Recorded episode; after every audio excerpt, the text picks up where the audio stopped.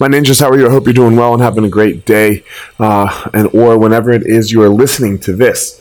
So uh, don't forget to head over to the website elliottmarshall.com where you can get all find all things Elliott Marshall related.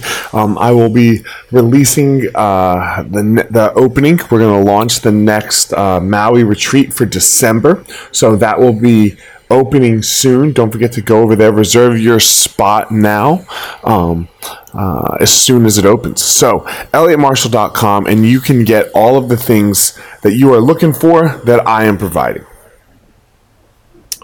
My ninjas, how are you today? Um, I hope you're having a great day.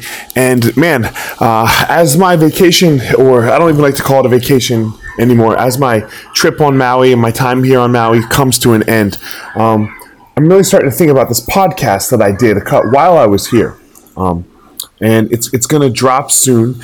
And the person, and I don't want to give too much away, but the person that I was talking about talked about uh, this idea of making sure that you have time in the margins.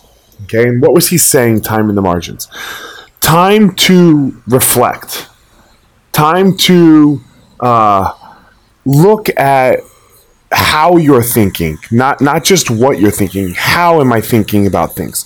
Time to assess how you've been doing, how what what you have accomplished and what you still have yet to accomplish as far as goals and everything.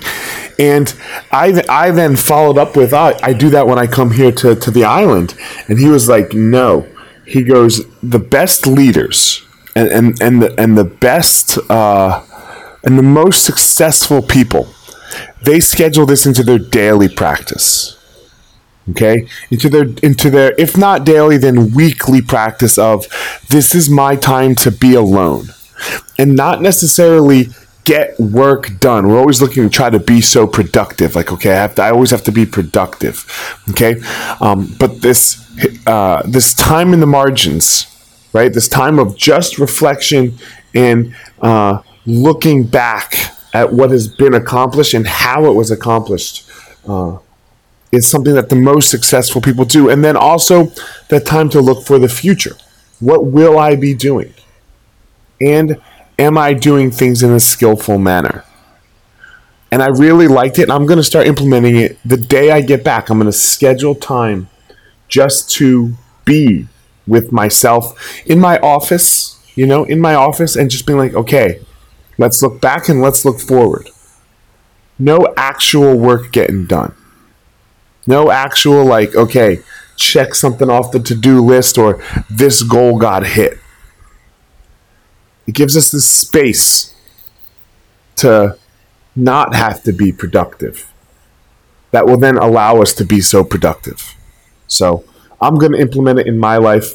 Um, literally, uh, I get back tomorrow. So I will be implementing on Wednesday. I hope it helps. I hope it helps you discover your passion, find your power, and give your purpose to the world.